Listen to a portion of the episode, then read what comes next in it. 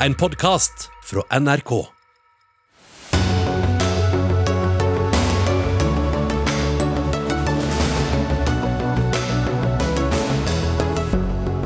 Kommunale teststasjoner får køer av folk som vil ha negativ koronatest før de skal ut og reise. Er det egentlig en oppgave for det offentlige helsevesenet? Politikere som går ut av regjering bryter loven og lar være å rapportere inn ny arbeidsplass. Ingen av dem har fått noen reaksjon. Kanskje det er lettere å be om tilgivelse enn tillatelse. 13 000 rapporterte voldshendelser ved norske sykehjem i løpet av ett år. Sykepleierforbundet er overhodet ikke overrasket. Og regjeringen vil mangedoble lakseproduksjonen innen 2050. Et verdiløst mål, mener Senterpartiet. Og det er blant sakene i Dagsnytt 18 i dag i NRK P2 og på nrk.no. Jeg heter Sigrid Solund. Ja, mange nordmenn vil teste seg for korona nå, før de skal ut og reise til land som krever negativ koronatest. Men hvordan skal det skje? Flere teststasjoner har stor pågang. Avdelingslederen ved teststasjonen i Stavanger sier de må oppbemanne, og at ansatte må utsette ferien fordi folk kommer dit i stedet for å gå til fastlegen eller teste seg privat. Astrid Bergmål, du er leder i Virke reiseliv, og dere ivrer jo for at folk skal kunne reise både i og inn og ut av landet. Men hvorfor skal det offentlige betale for testing av folk som ikke har noen grunn til å tro at de er syke, men som bare skal på ferie til utlandet? Det er jo fordi at det er helt sentralt for å komme i gang eh, med reisevirksomhet på tvers av grensene på en trygg og god måte at man legger til rette for, eh, for, testing. Og EU har jo bedt alle landene i Europa om å bidra med gratis testing, sånn at man kan komme i gang igjen. Og så er det jo også sånn at eh, For at alle skal kunne reise, uansett hvor tjukke lommeboka de er, så er det viktig at dette er tilgjengelig for alle. Og ikke minst så er det det jo sånn at Når man nå eh, åpner for at man skal kunne teste seg gratis og for å delta på arrangement, så ville det vært veldig veldig rart om man skulle ha eh, egne regler for at man skal reise. Og, Man trenger både reiselivet og, resten av læringslivet trenger å komme i gang med reisevirksomhet eh, på tvers av grensene. Ja, for Det å teste seg privat kan jo koste både 1 og 2 og 3000, avhengig av hvor fort man må ha svaret. Men Espen Rostrup Nakstad, assisterende helsedirektør, de som skal ut og reise og trenger en negativ test å vise fram, hvem skal de egentlig gå til ut fra regelverket sånn som det er nå? Nei, Det er jo åpnet opp for å teste seg i alle kommuner, og man kan også gjøre det hos fastlegen selvsagt, og også hos private aktører, selv om det jo bare er tilgjengelig stort sett i de største byene. Men eh, det er sånn at testing er gratis i Norge, eh, og bor man i en kommune som ikke har et pågående stort smitteutbrudd, så vil det vanligvis kunne gå bra, hvis det er det eneste alternativet man har. Men eh, i kommuner sånn som i Stavanger nå, hvor det er mye testing pga. et høyt smittenivå, så er det viktig at man i størst mulig grad benytter andre alternativer også. Så da må man regne med å f.eks. punge ut med, hvis man er en familie på fem, da, 5 10 000 kroner for å få testa seg? Nei, De eksemplene der tror jeg går på noe helt spesielle private aktører. fordi de private aktørene som nå tester for bruk av koronasertifikat, de kan ikke ta betalt eh, for det. De får refusjon fra staten. Så testing i private øyemed når det gjelder koronasertifikat, det er gratis. Og det er også gratis å dra på en kommunal teststasjon. Avdelingsdirektøren ved teststasjonen i Stavanger, som du også viste til, sier at de er litt oppgitt, at de ikke er her for å teste friske folk som skal til Syden. Tar hun feil? Det er helt riktig at kommunene må prioritere her. og Hvis det er stor pågang, sånn som det nå er i Stavanger, men som vi ikke har fått melding om fra så veldig mange andre kommuner at det er, men, men, likevel, er det stor pågang, så må man prioritere diagnostikk og utbruddsoppklaring. Det er veldig viktig nå for å ha kontroll på pandemien. Og Så kommer da dette som eh, litt ned på listen over de tingene man skal prioritere, hvis ikke man har kapasitet til å ta alt. Så Det må alle de som skal reise ta med i betraktningen. at eh, Det er ikke garantert at du vil kunne teste deg på en kommunal teststasjon eh, hvis du bor i et sted hvor det er behov for å teste andre personer. Bergmål, hva syns du om det, er det godt nok? Nei, jeg synes jo Det er helt eh, avgjørende at myndighetene eh, tar inn over seg at man må ha tilstrekkelig testkapasitet. Og Hvis man skal få komme i gang igjen med internasjonal reisevirksomhet, og det er vi alle tjent med, så, eh, så er det jo viktig at disse systemene fungerer. Og Hvis man da ikke har tilstrekkelig testkapasitet, så vil de jo ikke gjøre det. Og så er det jo, som Nakstad sier her, at det, dette skjer i en kommune, eller denne bekymringen kommer fra en kommune der man har hatt mer smitte. Men, men dette vil jo òg henge sammen videre. For, for de stedene eller de fylkene som er nå oransje på det europeiske kartet, og som kanskje tre, i større eh, grad trenger tester enn andre, de vil også, eh, dette vil jo òg henge sammen framover, der oransje eh, regioner eh, trenger å teste både, både, mer fordi man har mer smitte, men òg fordi at det kreves av flere.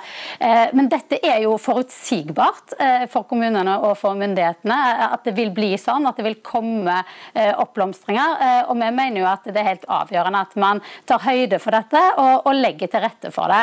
Og så er det jo opp til kommunene å velge hvordan de skal klare å få til dette på en god måte.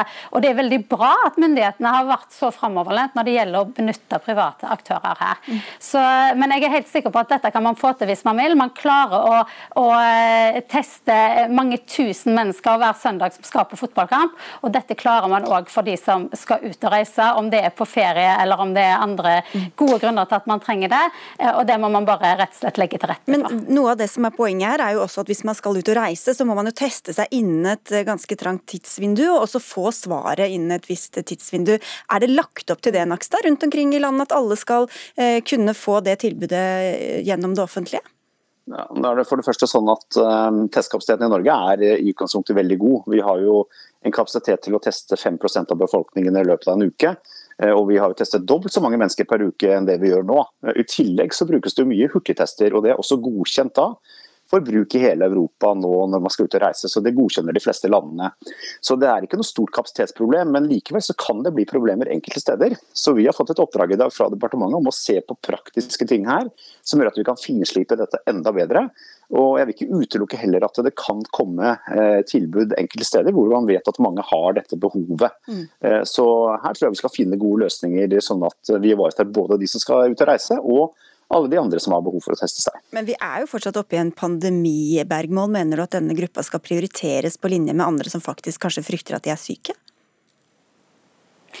Nei, jeg mener at Man skal ha god nok testkapasitet til at alle som trenger det, kan få en test. Eh, fordi Hvis man skal få i gang eh, reisevirksomhet på en trygg og god måte, og det er jo det vi ønsker, så må systemene fungere godt nok. Og, og eh, Norge er jo en del av Europa, og en del av de avtalene som skjer der ute, har slutta seg i hvert fall til det i, i, stor grad. og Da er det jo viktig at vi òg tar vår del av det ansvaret. Så, men samtidig, jeg, jeg er jo veldig glad for å høre det Nakstad her sier. Jeg er glad for at at eh, regjeringen og myndighetene har tatt tak i dette på en god måte, og nettopp lagt seg opp eh, til EUs, eh, tett opp til EU, og òg lytta til EU når de har sagt at dette er noe som bør være gratis okay. for alle innbyggerne. Ok, men da helt bare For at ikke noen skal sitte igjen med noen spørsmål, Nakstad. Når flere kommuner sier at ikke, kommunene ikke tilbyr testing før reise, men man f.eks. kan gå og få en ekspresstest hos Aleris for 2500 kroner, hva, hva, hva, hva skal man gjøre da? Nei, Da er det viktig at kommunene faktisk uh, følger det som er uh, anbefalingene. og det er At alle skal kunne teste seg i Norge gratis, uansett grunn. Men uh, er, står man midt oppi et smitteutbrudd, så må man prioritere. og Da skal man prioritere diagnostikk av syke først, og så smitteutbruddsoppklaring, altså nærkontakter og lignende som nummer to. Og så kommer dette som nummer tre. og Det er sånn som systemet er lagt opp. Og er det helt spesielle situasjoner, så kan man få hjelp av andre kommuner. Mm. Og man kan også henstille befolkningen i sin kommune til å bruke private alternativer når man står oppe i et smitteutbrudd. Det er veldig lurt. Og så et par, par, kjappe spørsmål til slutt, Nakstad. Som det ble nevnt her, så var det flere regioner som gikk fra grønt til oransje i dag på dette smittekartet. Hva innebærer det egentlig? Det innebærer at smittenivået er mer enn 50 per 100 000 innbyggere over 14 dager. Eh, og Det er, er nå tilfellet faktisk i Midt-Norge og Troms og Finnmark. Eh, og Det viser bare at vi har fortsatt en del utbrudd eh, rundt i Norge som må håndteres av kommunene med denne testingen og smittesporingen som vi snakker om. Men kommunene må også iverksette andre tiltak hvis de mener det er nødvendig Fordi nå har folk veldig mye kontakt med hverandre i Norge, så det er viktig at vi ikke blir altfor slappe nå. Eh, og klarer å beholde denne kontrollen, sånn at vi får en grønnfarge på hele Norge aller helst. Og På den annen side så er det flere kommuner som har fått mange vaksiner som blir til overs fordi innbyggerne enten ikke svarer eller bare lar være å bestille timer. Hva er oppfordringen din der, både til kommunene og til folk? Nei, Oppfordringen til folk der det er å virkelig anstrenge seg for å benytte det tilbudet man får. Selv om man er på ferie, så er det viktig. Og så er det samtidig veldig viktig nå at kommunene ikke brenner inne med ubrukte vaksiner, men at man enten tilbyr drop-in for andre aldersgrupper, og at man uansett sørger for å ta kontakt med FHI, sånn at disse vaksinene kan brukes i andre kommuner som har behov for det, hvis man selv ikke har nok, fulle nok timelister. Det er veldig viktig. Jeg vet ikke om det var full klarhet, eller om kommunene får forvirrede telefoner framover. Takk skal dere uansett ha begge to, Espen Rostrup Nakstad, assisterende helsedirektør, og Astrid Bergmål, som er leder i Virke reiseliv.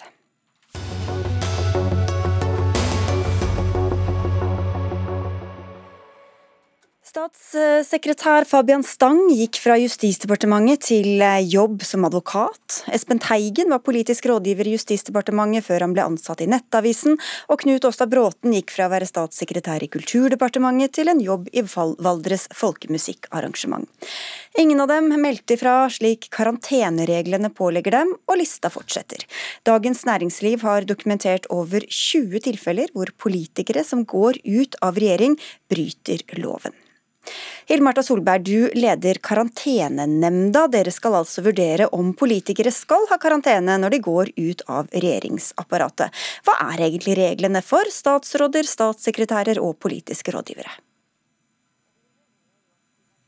Etter loven til å melde fra til karantenenemnda, sånn at vi kan vurdere saken deres opp imot karanteneloven. Og eh, viktig forutsetning er selvfølgelig da at vi får sånn informasjon fra politikerne. Og det vi har sett nå, det er jo at det er dessverre en god del tilfeller der det ikke meldes inn til nemnda. og Da kan ikke nemnda behandle saken, og fort blir det slik at reglene både om karantene og saksforbud osv. foreldes eh, for, for nemnda. Ja, fordi Dere tar først, eh, ser først på saken hvis dere får informasjon fra vedkommende politikere om at nå har jeg fått en ny jobb? Ja, det er slik loven er lagd, at det er en informasjonsplikt som politikerne har til å melde fra. De skal si fra hva de har jobba med i departementet, og hva arbeidsoppgavene innebærer i den nye jobben eller nye virksomheten. Så vurderer vi det opp mot eh, lovens eh, krav. Og Nå må ta stilling til om det er nødvendig med et opphold ifra, eh, ifra arbeid etter at de har avslutta som politiker. og Det innebærer jo da karantene. Og hva, hva er formålet med den lovgivningen ut fra et demokratisk perspektiv? Men formålet er jo at man skal uh, sikre tilliten både til det politiske systemet og også til uh, forvaltninga, slik at uh, samfunnet skal være trygg på at folk ikke kan gå, altså dvs. Si politikerne her da, ikke kan gå fra viktige posisjoner i regjeringsapparatet og ha med informasjon, kunnskap som ikke er offentlig kjent, inntil en virksomhet som vil ha stor nytte av den informasjonen. Så Derfor er jo karantene et sånn Eh, virkemiddel for å skape avstand eh, i tid. Men noen melder jo fra. Dagens Næringsliv har kartlagt 23 tilfeller der regjeringspolitikere har gått til PR-byråer, interesseorganisasjoner eller konsulentselskaper og ikke fått noen som helst form for karantene eller saksforbud, selv om de da har sagt at nå har de fått ny jobb. Hvordan er det mulig? Jo, men Det avhenger hva slags jobb de får og hva slags jobb de kommer fra. slik at Det er ingen automatikk i at du skal ha karantene eller saksforbud. Eh, loven sier eh, Det er tre viktige forhold som vi vurderer. Det ene er om det er en åpenbar sammenheng mellom det de har jobba med og det de skal jobbe med. Det andre er om den nye virksomheten vil ha en stor fordel av å få denne politikeren eh, i sin virksomhet sånn umiddelbart.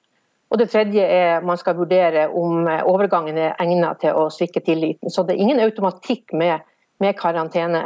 Eh, men eh, det blir vurdert strengt opp imot den loven vi har. Men samtidig, tidligere statssekretær for Erna Solberg, Sigbjørn Aanes, beskrev lovgivningen som et bingolotteri, og at det var vanskelig å forstå hvilke vurderinger som legges til grunn for hva slags karantenetid man får. Er det så eh, gitt som det du beskriver? Det er jeg selvfølgelig ikke enig i Åni sin beskrivelse av dette, men eh, nemnda arbeider samvittighetsfullt i forhold til det regelverket vi har. og Det er jo et regelverk som er vedtatt eh, av Stortinget, som også sier at eh, det stilles krav for at du skal få karantene. Får du karantene, så opprettholder du lønna di, enten du har vært statsråd, statssekretær eller politisk rådgiver i inntil maksimalt seks måneder. Men samtidig, som jeg sa i stad, DN har avdekket eh, mange saker der politikerne ikke har meldt fra også. I disse tilfellene har dere sendt ut likelydende brev til disse det gjelder, i stedet for å behandle sakene individuelt og også sanksjonere. og Det er det flere jurister som kritiserer dere for. Hvorfor har dere ikke gått inn i hver enkelt av disse sakene? Ja, først vil jeg si at eh, Det er jo fint at det blir avdekket at det er flere politikere som burde ha varsla fra og ikke har gjort det. Eh, vi har kontakta de samtlige. Vi har fått deres eh, svar tilbake om hvorfor det er blitt slik. Eh, vi har også behandla spesifikt de som var innenfor den fristen på tolv måneder, som er fristen for å melde fra. Det er tolv måneder etter fratredelse at politikerne må melde fra til nemnda. Så har vi når det gjelder de eldre sakene, også sett på begrunnelsene der. og Det som er utfordringa for, for nemnda med dagens lov, det er at sanksjonsreglene, som det kalles, altså spørsmålet om vi kan ilegge et gebyr eh, for de som har overtrådt informasjonsplikten, er meget eh, streng. Det er strenge skyldkrav her. Så Vi skal da dokumentere at det er gjort med forsett, altså med viten og vilje. Vi skal dokumentere at politikerne har tjent på dette økonomisk. Og så skal vi også kunne konstatere hvorvidt det er utvist eh, altså, grov uforstand her. Og De gangene nemnda har vurdert spørsmål om gebyr ved en del anledninger. Men hver gang så har vi kommet fram til at vi hadde ikke grunnlag eh, for å beslutte å ilegge gebyr. Så vi har jo varsla Kommunaldepartementet, som er ansvarlig for denne loven, at sanksjonsreglene slik de er forma i dag, fungerer dårlig. Og Heldigvis så blir de jo tatt opp mm. nå i revisjon av loven. Og hos oss, takk skal du ha, Hill Marta Solberg, for at du eh, var med. Sigbjørn Gjelsvik, stortingsrepresentant for Senterpartiet. Du tar til orde i Dagens Næringsliv for å øke karantenetiden til disse politikerne til minimum ett år. Hva skal det løse? Ja, vi mener jo at for, eh, altså det her er jo noen av de aller fremste stillingene i det norske samfunnet. der vi der eh, de som eh, har de stillingene i en periode, får eh, folkets tillit og er representert gjennom at den som er statsminister, plukker ut sitt, sine statsråder og andre til å jobbe i regjeringsapparatet, og til å, til å representere Norge og norske samfunn, og får innsikt i noen av de mest sensitive spørsmålene i det norske samfunnet. Og det at en da har tydelige regler når de skal gå ut igjen og over i andre jobber, både for å sikre eh, tillit, eh, for å sørge for at eh, det er åpenhet om det som skjer, men òg at en har klare regler som, som, som får konsekvenser overfor det enkelte. Og da, da, mener jo vi at spesielt i forhold til det som går på selskap, altså det som begynner å jobbe for selskap som Norge ikke har sikkerhetssamarbeid med, som kan berøre nasjonale sikkerhetsinteresser, der bør det være stramme regler. Men òg de som går over til PR- og lobbybransjen og jobber overfor selskap som, som opererer med hemmelige kundelister, eksempelvis. Heidi Kari Nakken, statssekretær i Kommunal- og moderniseringsdepartementet. Vi hørte fra Hill-Marta Solberg selv at det kanskje ikke fungerer optimalt, dette regelverket. Hvordan syns du det virker? Nei, Det er jo tydelig at eh, når nemnda sjøl har gitt oss beskjed, det er jo en ganske ny lov, den er jo bare fem år eh, siden den ble enstemmig vedtatt i Stortinget. Eh, og så har jo nemnda da gitt årlige tilbakemeldinger på hva de føler ikke er stramt nok. Nå det, derfor har det jo blitt gjort denne her gjennomgangen. Og det vil nå bli sendt ut på høring, og da vil han få orden på det. Så det fungerer jo til, på en måte sånn det eh, skal, men ikke når nemnda sjøl mener at Bortsett fra at det ikke f.eks. kan ilegge sanksjoner. Så det, det, har altså det, ingen, det, har ingen, konsekvenser da, hvis du bryter loven? Jeg tror at de endringene som nå er foreslått, og som nå skal ut på høring, er gode endringer. Det er ekstremt viktig at en sånn lov fungerer, fordi det handler tross alt om tilliten til det politiske systemet.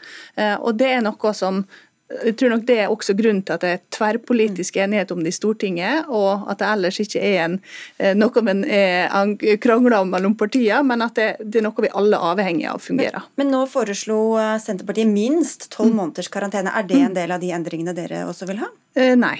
Det å ta en sånn automatisk karantene for spesielt folk som skal til PR-bransjen, som er et av forslagene her, det er litt sånn for lettvint løsning. Altså, hvorfor ja. PR-bransjen er selvfølgelig, det skal jo vurderes individuelt. Men det er jo både fordeler og ulemper med å ha overganger mellom ulike selskap. Det er jo derfor det er så viktig at det blir en individuell vurdering. Det er ikke regjeringsapparatets selskap akkurat, da, men Nei, det er det jo ikke. Men du går jo til et selskap, ikke sant? Ja. Men Gjelsvik, eh, du sa minimum eh, tolv måneder. Fem år har dere sagt for de politikerne som skal jobbe for land Norge ikke har sikkerhetssamarbeid med. Så mange år da, på millionlønn eh, bare for at man ikke skal gjøre noen verdens ting? Nei, altså Det er jo en av tingene vi må gå inn og se på. Jeg mener ikke at eh, det er gitt at en skal eh, heve full lønn fra, fra staten i en, i en, sånn situasjon. Altså Det at en her i en periode må jobbe for altså, ha en annen jobb i det norske samfunnet. Men hvem skal bestemme da at du skal få utdelt en jobb da, som er innafor, eller hvordan skal det fungere, mener du? Jo, men, men også her er det noe med at når du går inn i en sånn type jobb, så går du òg inn ut fra noen gitte premiss. Og altså Her har vi eksempel eh, fra dagens regjering. altså med en statssekretær som satt i Justisdepartementet med noe av den mest inngående eh, informasjon om norsk sikkerhet og beredskap, informasjon om regjeringens sikkerhetsutvalg, informasjon som ikke skal, skal videre. Og så går etter en kort periode over til å jobbe for et selskap fra et land som er knytta mot eh, altså Kina som vi ikke har sikkerhetssamarbeid med, og der kinesisk lovgivning òg stiller krav om at kinesisk selskap skal, eh, skal utlevere informasjon til kinesiske myndigheter. Det er altså en, en alvorlig sak. og jeg mener jo også at eh, dagens regelverk ikke er blitt praktisert godt nok, men det er behov for å stramme til. Og Det gjelder jo ikke bare politikere, men òg andre som har hatt sentrale posisjoner i det norske eh, embetsverket, altså regjeringssystemet og av, av eh, embetsfolk, bør det regelverket gjelde for. Og så når det gjelder PR og lobby, det som vi har kommentert eh, spesielt, er jo de PR-lobbyselskap som opererer med hemmelige kundelister, og som selv når selv om det ble utnevnt eh, personer som statsråder, så har jo ikke en fått vite den fulle hele sannhet om, om, hva slags interesse, hva slags selskap som, mm. som vedkommende har jobba for. sånn at eh, ting er hvis, hvis, du går over i en ordinær jobb for et, et, en organisasjon eller en bedrift der du tross alt i hvert fall vet hva slags interesse Ja, Det er de lukkede listene, det skjønner jeg. Og det får en kommentar på nakken på disse to eksemplene, da. Altså det, eh, det, som er helt tydelig, det er at du må gjøre en vurdering av hver enkelt sak. Så en sånn generelt forbud mot noe, det tror ikke jeg vil løse. Nettopp pga. det spørsmålet som du er inne på, da, han, så var det egentlig spørsmålet han fikk. Skal vi ha automatisk folk gående i lediggang? Men, men disse to eksemplene som han dro opp, da, syns du at de er problematiske? Det er veldig vanskelig å vurdere enkelteksempel som jeg ikke kjenner uh, helt, helt uh, alt om. Men det er klart at jeg har tillit til at nemnda nemnda gjør det de skal etter de reglene de har i dag. Og så skal vi jo nettopp ha dette her ut på høring fordi vi ser at det ikke fungerer godt nok, og vi må ha en gjennomgang på det, og det må strammes inn på en del av dette. Du, da, Et siste poeng her, da, for det er flere tidligere statsråder som har opprettet egne selskap mm. etter at de gikk av, og dermed fått karantene, for det er først da det utløses, mm. og dermed fått full etterlønn, mens mhm. de nye selskapene ligger helt brakk og ingenting skjer. Hva syns du om en sånn praksis? Nei, det er jo en av de tingene som vi foreslår å, å fjerne muligheten for å gjøre. Eh, rett og slett. Så Det er jo et av de forslagene som eh, vi sender ut på høring, at det ønsker vi ikke å ha en sånn praksis. Da får vi se når høringssvarene begynner å tikke inn, om ikke det blir en ny runde. Takk skal dere ha alle tre. Eh, Sigbjørn Gjelsvik fra Senterpartiet, Heidi Karin Nakken fra Kommunal- og moderniseringsdepartementet og Hill Marta Solberg, leder for Karantenenemnda.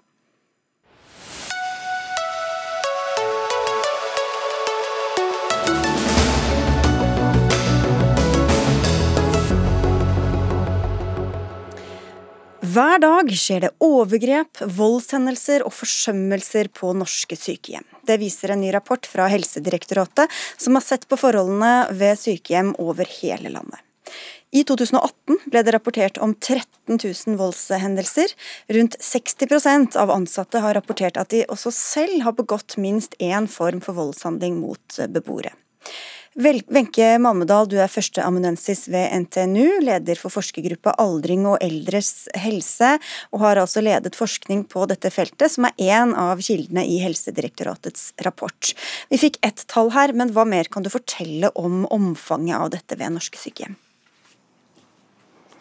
Ja, Det som eh, vi har gjort, er å, å spørre ansatte i sykehjem, sånn ca. 4000 ansatte fra 100 sykehjem over hele landet.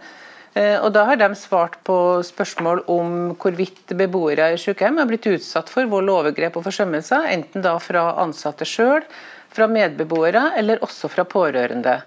Eh, og det er jo som du sier at eh, Ca. 60% av de ansatte sier at de har utøvd en eller annen form for vold, overgrep og forsømmelse det foregående året.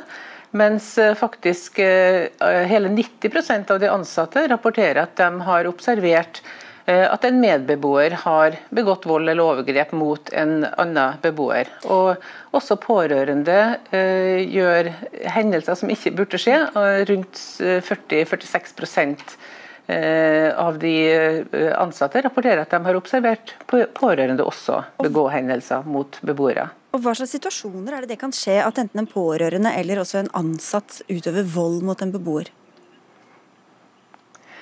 Når det gjelder eh, ansatte mot beboer, så ser vi at de aller hyppigste type hendelser det er det som går på forsømmelser. Eh, og Det kan f.eks. dreie seg om å forsømme munnpleie. Det kan også handle om å ignorere eller overse en beboer, eller ikke hjelpe en beboer eh, som trenger hjelp, eller at man venter lenger enn nødvendig med å gi hjelp. Eh, men det kan også handle om psykisk vold, som det å kjefte på beboer, eller også eh, ja, krangle med, eller også gå på, mer på det verbale. da. Vi har også, vi har også eksempel på fysiske hendelser, men, men, det er forsømmelser og psykisk vold som da er hyppigst når det gjelder ansatte mot beboer. Og de pårørende, når er det de eh, tyr til vold?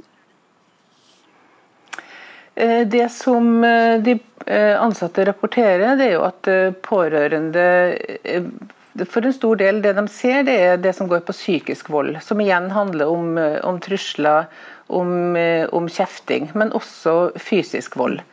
Eh, og vi vet kanskje mindre om, om, når det skjer. Eh, det er ikke noe som vi har i hvert fall fått, fått mer kjennskap til gjennom vår studie. Da.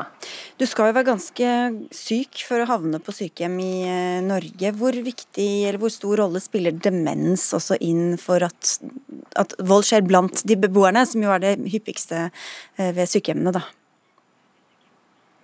Det, nok, eh, det, spiller nok en ganske stor rolle. Vi vet jo at uh, godt over 80% av beboere på norske sykehjem har en eller annen form for kognitiv svikt, gjerne en demenssykdom.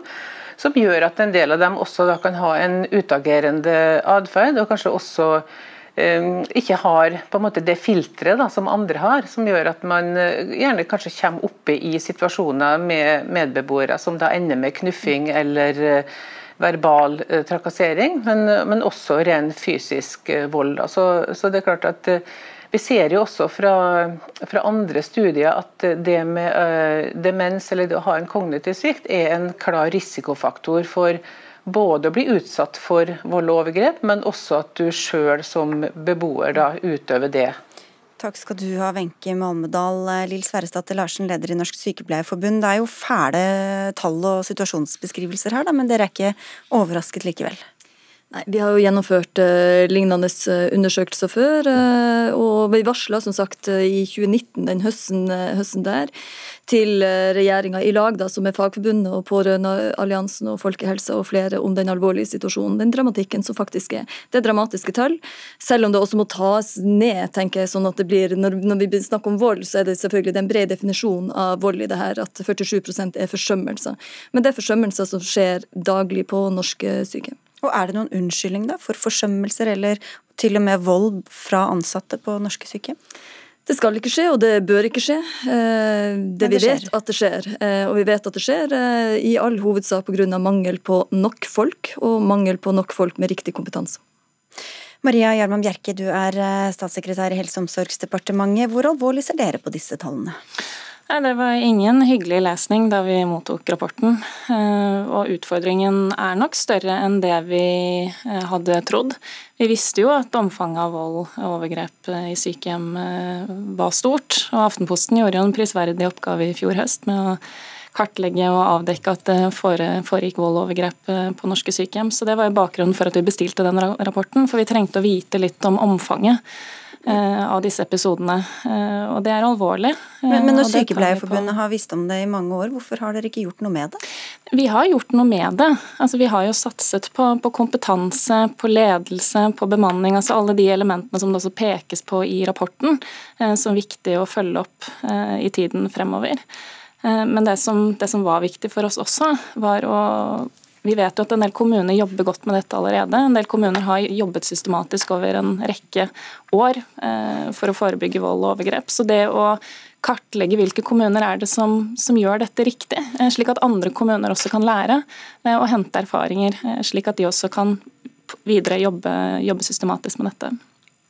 Det er viktig at vi kartlegger og ser der det gjøres riktig, sånn at mange nok kan lære ut av det. Men likevel så hovedproblemet som jeg tenker blir litt sånn usynliggjort. Det kommer så vidt frem i den rapporten, men, men hovedproblemet er jo at vi har mangel på folk. Eh, mangel på eh, riktig kompetanse. Da nytter det ikke uansett hvor mye kursing eh, de får, eller hvor mange systematisk kartlegginger og tilsyn som er, når det er den ene personen som skal være til stede med kanskje 30 demenssyke pasienter.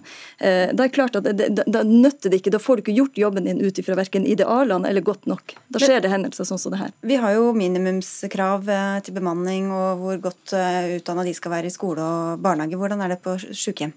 Vi får det ikke til eh, på Vi har bedt om det og ønska oss det i årevis også fra Sykepleierforbundets side, men det har vi altså ikke. Det har heller ikke regjeringa sagt at de ønsker å gjøre noe med. Ja, altså Det er jo kommunene som har det overordnede ansvaret for helse- og omsorgstjenester i kommunene. og Det er de som også er ansvarlig for en forsvarlig bemanning. Men Dere har innført normer på, for andre grupper, da, men ikke for denne? Vi har veldig få normer innenfor helse- og omsorgstjenestene i kommunene. Nettopp fordi det er kommunenes ansvar å dimensjonere uh, og sørge for forsvarlige helse- og omsorgstjenester. Men Hvorfor er det eh, riktig det... på skole og barnehage, men ikke på sykehjem? Nei, altså vi har altså, Når det gjelder sykehjem, så er det så eh, altså, Dette er kommunenes overordnede ansvar. det er jo som, barnehagene også? Ja, men vi mener at fordi at altså, norske kommuner er så forskjellige, uh, det er helt ulikt hva man har behov for av kompetanse og personell på det enkelte sykehjem. Så dette er noe kommunene uh, må sørge for å, for å, håndtere og ha ansvar for. Rapporten her viser jo at det er ikke noe ulikhet, uansett om det er store eller små, byer, nei, små kommuner, eller om det er bykommuner eller landkommuner, så skjer det her absolutt overalt. Eh, sannheten er vel nettopp at det, vil, det vil koste. Eh, skulle du ha en bemanningsnorm, så ville det koste. Det ville bety at man må øke grunnbemanninga. Eh, det vil bety at kanskje alle dem som har deltidsstilling i dag, hvis de hadde fått heltidsstillinger, så ville de ikke hatt det samme problemet i dag. Og det vil koste, og det er ikke regjeringa villig til å gi. Men hvorfor er ikke, hvis Kommunene får jo penger til å gjøre dette, hvorfor retter du ikke skytset den retninga i stedet for? fordi de beskriver seg som underfinansierte som fra kommunenes side. Og helse- og omsorgstjenesten er ut av de få Eh, muligheter de har til å kunne mm, velge pengene og bruke det til noe annet. sånn at når du skal, Kanskje skal du ha et svært badebasseng eller noe kultur eller noe annet som også er viktig. Idrettsarrangement, idrettshall, også viktig. Hvor tar du pengene fra? Da tar du gjerne fra helse og omsorg. Vi har styrket kommuneøkonomien sånn at kommunene er godt rustet til å håndtere dette. Men det som er interessant i denne rapporten, det handler ikke bare om bemanning. Eh, det som er gjentagende i rapporten, er også at dette er et ledelsesansvar. Og det som er litt bekymringsfullt når man leser rapporten, er eh, den beskrivelsen av den kulturen som setter seg på en del sykehjem. Eh, at dette oppleves som en del av hverdagen. Eh, og når det oppleves som helt normalt at dette skjer, så er det også vanskelig å ta tak i det. Eh, og det å ha en åpenhet om dette temaet på, på, arbeidsstedet. Det å ha ledere som sørger for at dette tas opp jevnlig. Sikre gode rutiner for håndtering av avvik. Altså, det er ganske mange andre elementer som er viktige. og Derfor var det viktig at vi også kartla hvilke kommuner som, som, gjør dette, og som gjør dette på en god og systematisk måte. for Staten får ikke dette til alene, hvis ikke kommunene også sørger for å, å ha vold og overgrep eh, i, i, på sykehjem på dagsorden. Men hvis dette oppleves som normen og normalt, så er det vel fordi at det har fått bli sånn gjennom altfor mange år? Da? Ja, og det er jo det som kan kalles på en måte husblindhet. At når det pågår eh, over så lang tid, at det blir en del av det som er anses som normalt.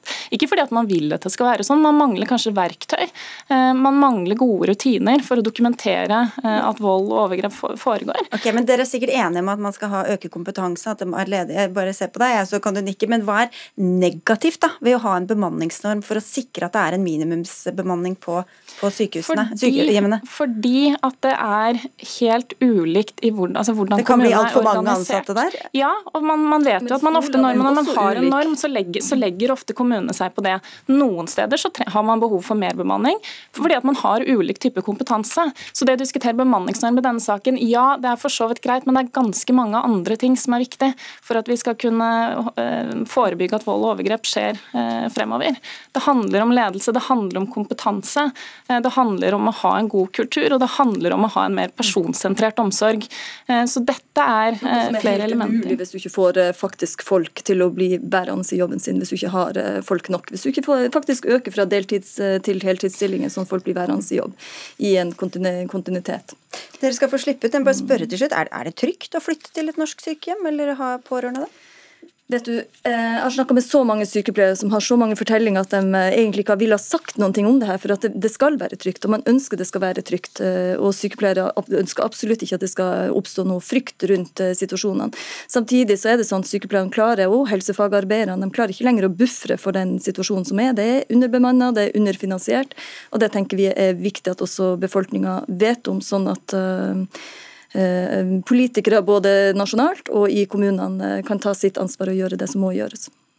Ja, Det skal være trygt å være på, på norske sykehjem, men da må det være en åpenhet. Pårørende må også få lov til å kunne si ifra. Ledere må ta tak i problemene når de ser det. Og så skal vi også sørge for å følge opp de anbefalingene som kommer fra rapporten på myndighetsnivå, men vi klarer ikke dette alene. Kommunene må også følge opp sin del. Vi må avslutte. Det er alltid mer å si. Dere får si det en annen gang. Takk skal dere ha, begge to. Eh, Lill Sverresdatter Larsen fra Norsk Sykepleierforbund og Maria Gjerman Bjerke fra Helse- og omsorgsdepartementet.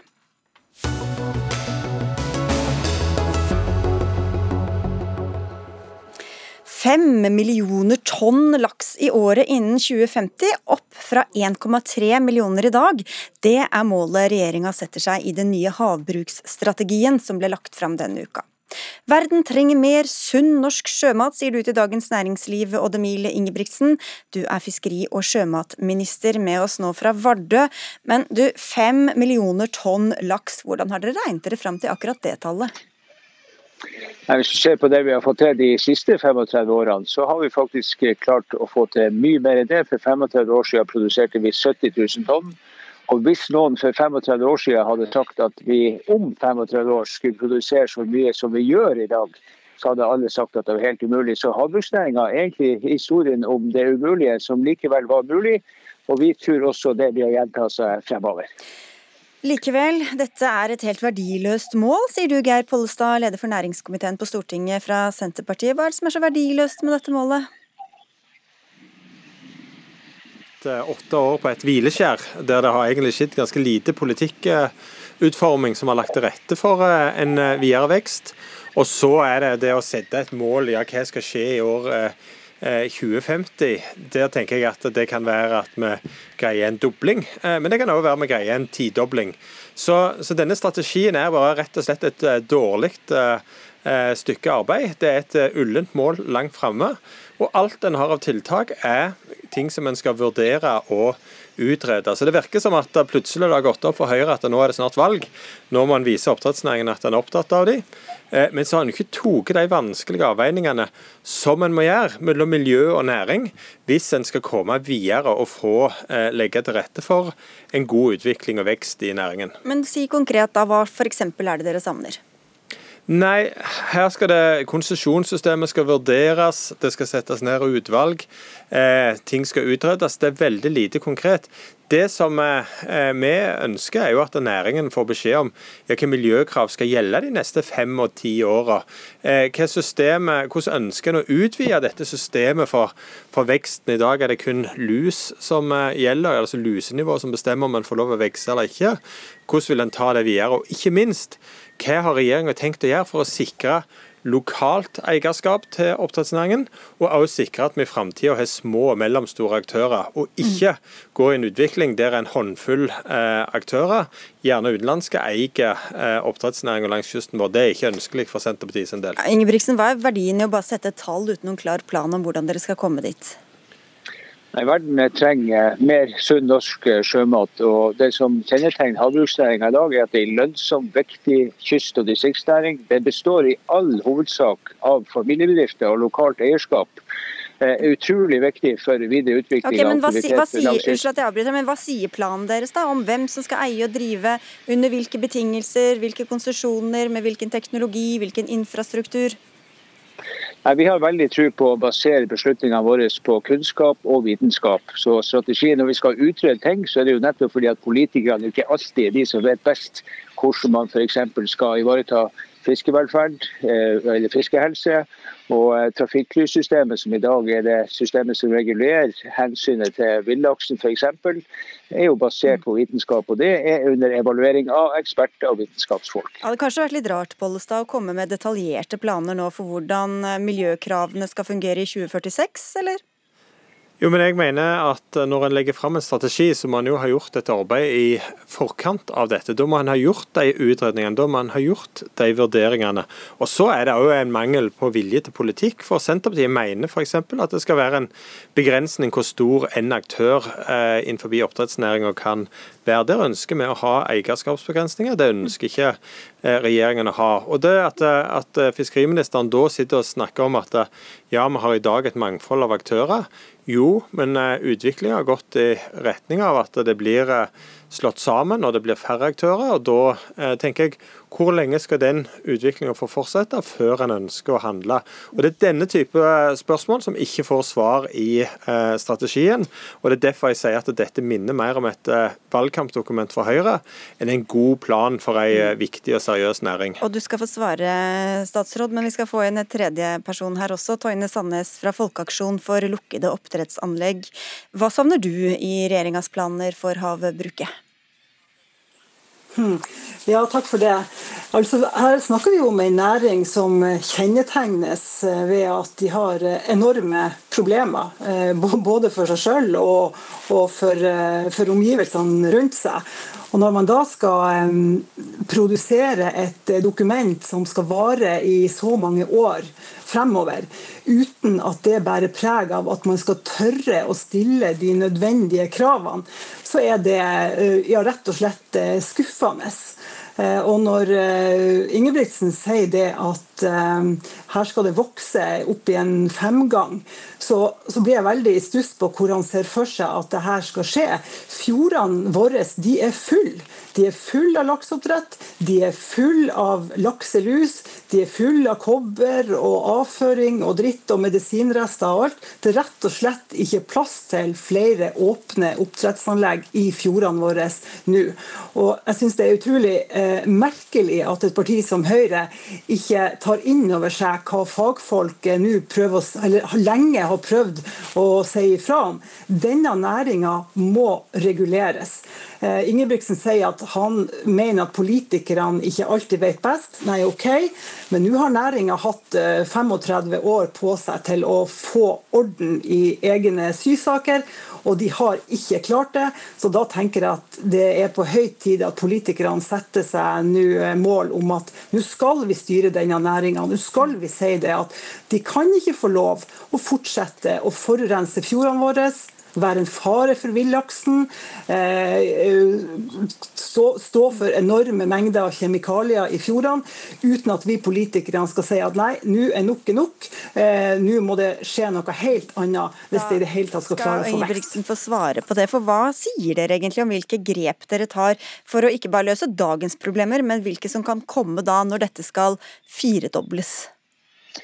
Ja, nå har jeg svaret både Pollestad og Sandnes. Jeg vil si jeg syns det er respektløst av Sandnes å slenge ut av seg usannheter om at næringa ikke er regulert, at det er kjemikalier i havet osv. Vi er en av de beste i verden på det her, på bærekraft. Vi har omfattende detaljert regelverk. Og det er, at det er problemer med rømming, med lakselus, eh, nærmest utryddelse av norsk villaks osv., det er vel ikke så veldig omstridt. Så hvis det er et problem i dag, hvordan skal man da løse det når næringa skal ekspandere så mye som dere legger opp til? Ja, programleder, Jeg må få lov å svare litt eh, mer og ikke bli avbrutt.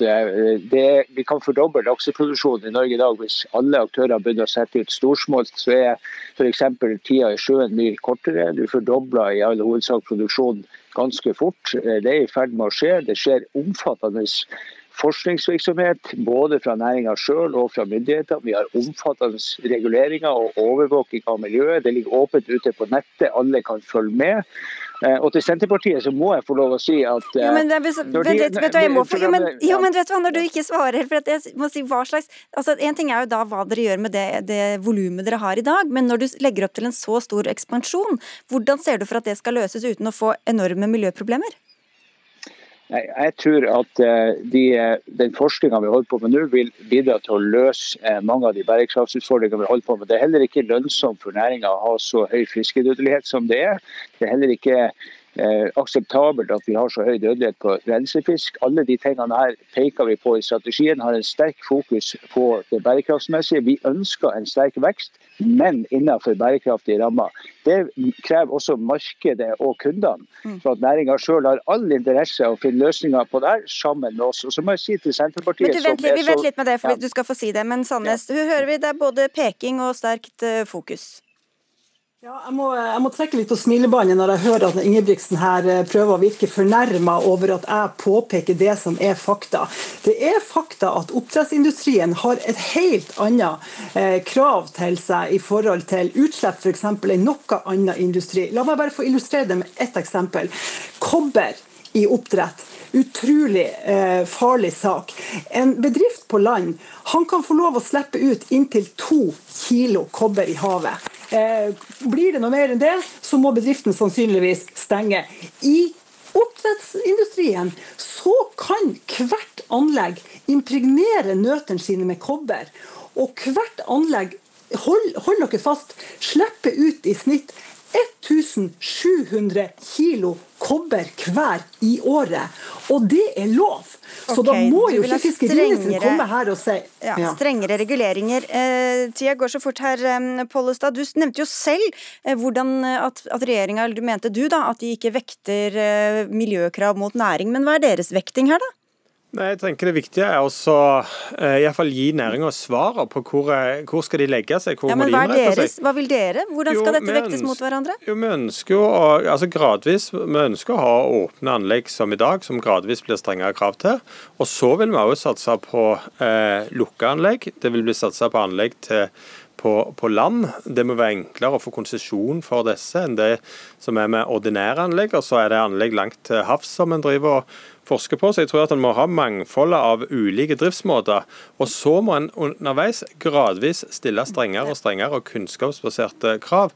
Og det er det som næringa ikke får svar på i denne saken, og heller ikke miljøet får svar på. Hva er regjeringens plan for dette? Fordi at okay. Der har de kun sagt at det skal vurderes og utredes. Og Når en legger fram en strategi, så burde en hatt noen svar, og det har ikke regjeringa i denne saken. Da Ingebrigtsen, skal du få svare. Jeg vil si at Det er viktig å basere beslutningene som politikere tar på kunnskap og vitenskap. og Det er derfor at ting har behov for å utredes videre. Vi peker retning for en næring fremover, vi kommer ikke med alle svarene. Det er veldig viktig også å spille videre på den suksessen vi har hatt eh, ved havbruksnæringa. Og til Senterpartiet så må jeg til slutt få lov å si at Eh, det med markedsadgang er utrolig viktig for næringa. Vi påpeker at hele bunnplanken for at vi kan eksportere som et lite land, er vi avhengig av at andre land vil ta imot varene våre. Og, da, og Det sår Senterpartiet tvil om. Da ingen debatt med Senterpartiet uten at EØS nevnes. Takk skal dere ha alle tre. Odd Emil Ingebrigtsen, fiskeriminister, Geir Pollestad fra Senterpartiet og Toine Sandnes fra Folkeaksjon for lukkede oppdrettsanlegg.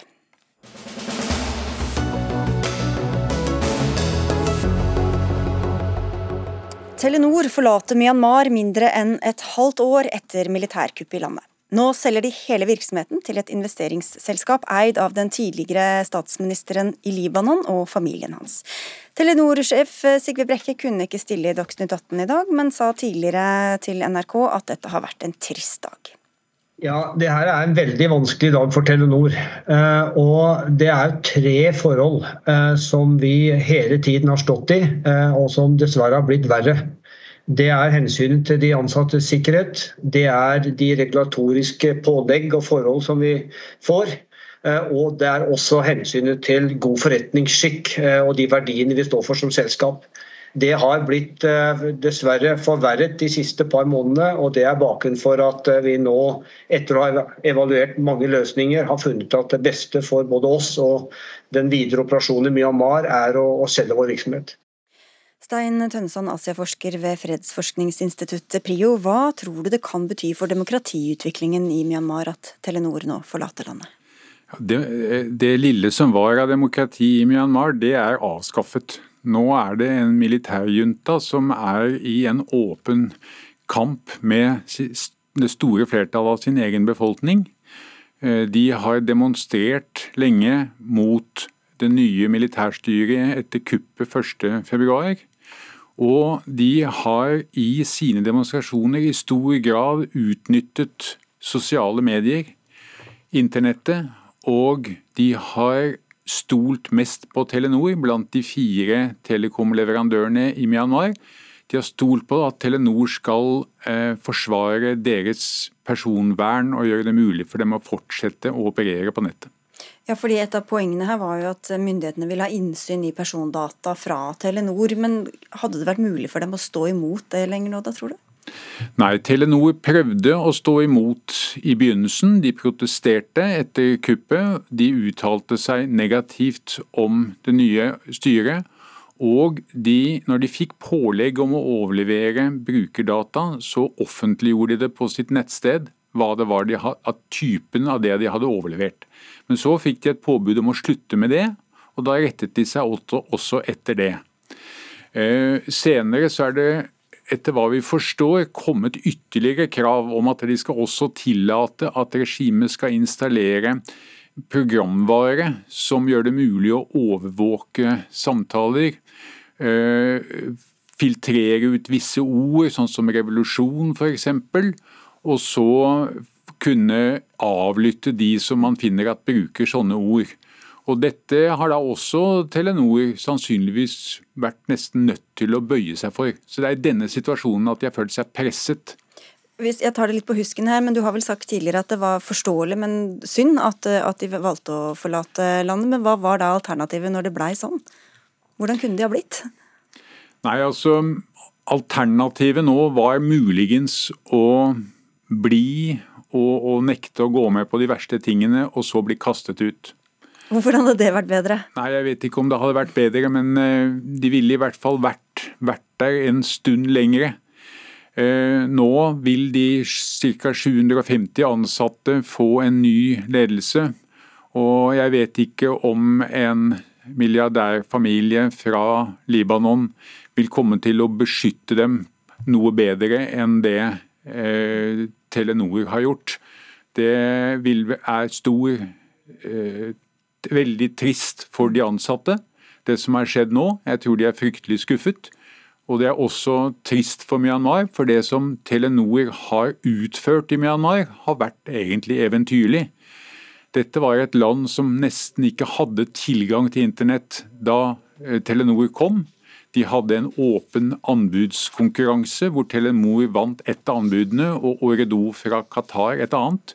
Etter hvert ble det fire som konkurrerte. Det ble ikke samme muligheter for korrupsjon som i andre land. og Telenor har bidratt til å skaffe internettilgang til over 90% av landets område. Og Det er et land som tidligere de fleste ikke hadde tilgang til noen form for telefoni. Mm. Så en god utvikling, men nå er de i hvert fall inntil videre ved veis ende. Vi må gi oss der, Stein Tansen. Takk skal du ha for at du kom. Trist. Ja, det er mye viktig. Når skal tennene bli en del av kroppen? Det har vært et spørsmål i mange valgkamper de siste ti årene. For å gå til tannlege gratis opp til fylte 18 år, og deretter billigere fram til 20. Ordningen bør utvides, sier dere, og gjør gratis tannhelse til toppsak foran høstens valg. Victoria de Oliveira, du er påtroppende leder i Fagforbundet Ung. Hvorfor er dette viktig for dere, og for så vidt andre unge mennesker rundt omkring i Norge? Dette er jo en eh, viktig sak, fordi vi vet at veldig mange ikke går til tannlegen selv om de har behov for eh, tannbehandling. Vi vet at eh, veldig mange gjør det pga. økonomiske utfordringer. Dette er det siste hullet i velferdsstaten, og det ønsker vi at eh, skal fylles eh, og flyttes inn da, i velferdsstaten og inn i en egenandelsordning. Så på lik, på lik linje med resten av kroppen? Ja. ja. Det er jo veldig rart at eh, det ikke er en del av kroppen, når eh, alle andre helsetjenester er det. Ja, dette er et uh, element vi har diskutert i mange år. Håkon Snortheim, du er første nestleder i Unge Høyre. Hvorfor skal ikke tennene være en del av kroppen når de vitterlig er det? Jo, og jeg skjønner argumentasjonen hennes eh, veldig veldig godt. Men vårt poeng er egentlig at altså, så lenge man har et høl i tenna, så skal man på en måte få hjelp for å få eh, få den hjelpen man trenger. Eh, og da er poenget eh, altså Hvilket system er det man vil ha? Vil man ha et system hvor man hjelper alle, eller vil man ha et system hvor man hjelper de som trenger det mest? Og Det er en klassisk diskusjon vi har hatt i mange år, ikke bare innenfor tannhelse, men også veldig mange andre områder. Men i dag så bruker staten ca. 2 milliarder kroner i året på, eh, på refusjoner til mennesker som har eh, spesielle diagnoser f.eks., som gjør at de eh, bør få dekket mer av tannhelsehjelpen selv.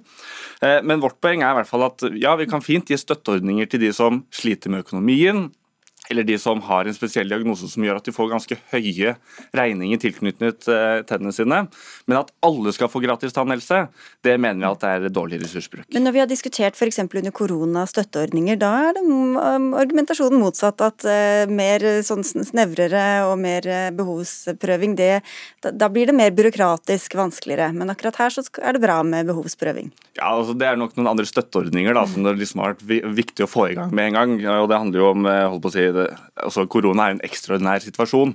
Eh, men det man snakker om akkurat her, er jo at man eh, ønsker et system eh, hvor det viktigste er at de som trenger hjelp, og de som ikke har råd til å betale for den tann, tann, tannhjelpen de trenger, de skal selvfølgelig få hjelp. Men det er ikke alle som har behov for den hjelpen. Hvorfor, ja, hvorfor ikke heller da ha gode støtteordninger til dem som trenger det mest, Olvera? Ja, altså, jeg blir jo bare veldig sjokkert over det som blir sagt her nå. Det Høyre egentlig sier, er jo at uh, det er helt greit at, uh, at, vanlige folk som har god inntekt og som har mulighet til det, de skal uh, kunne gå til tannlegen. Mens de som ikke har mulighet til det, det skal stå med lue i hånda og gå og tigge penger på Nav for å få mulighet til å få helt nødvendig helsehjelp. Det her er jo helt typisk. Altså, hvis Høyre hadde konsentrert seg om å gi tannhelse, eller regjeringen, da, eller de som eh, styrer, hadde gitt tannhelse til eh, de som sørga for en tannhelsereform, så hadde vi så hadde vi ikke hatt eh, så mange utfordringer som f.eks.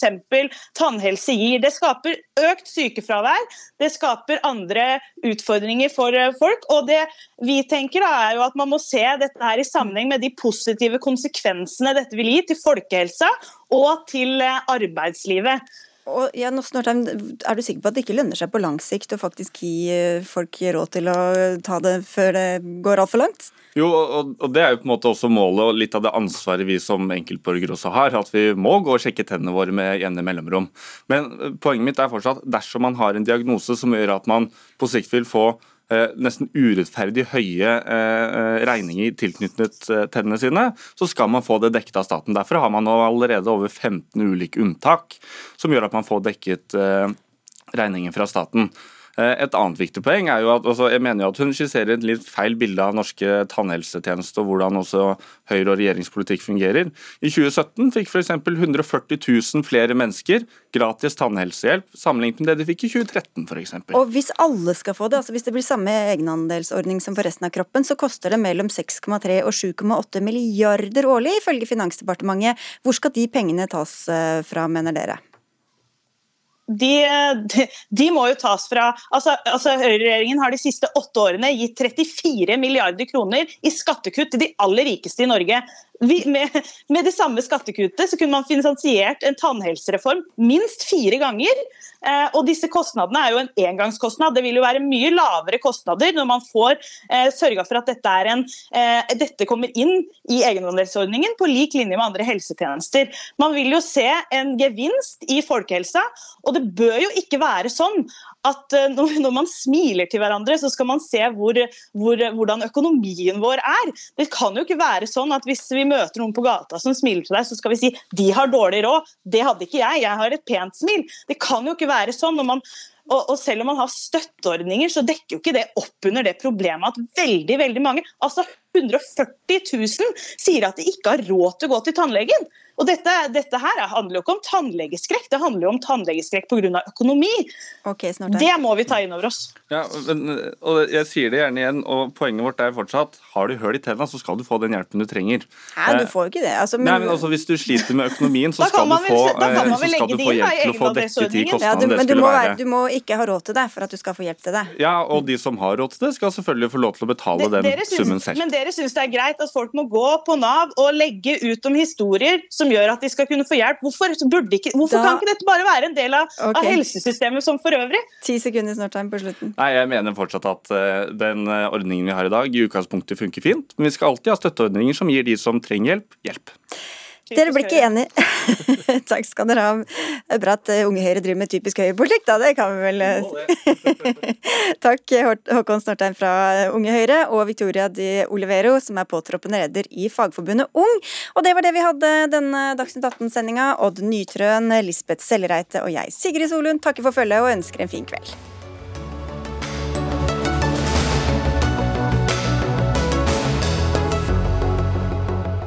Du har hørt en podkast fra NRK.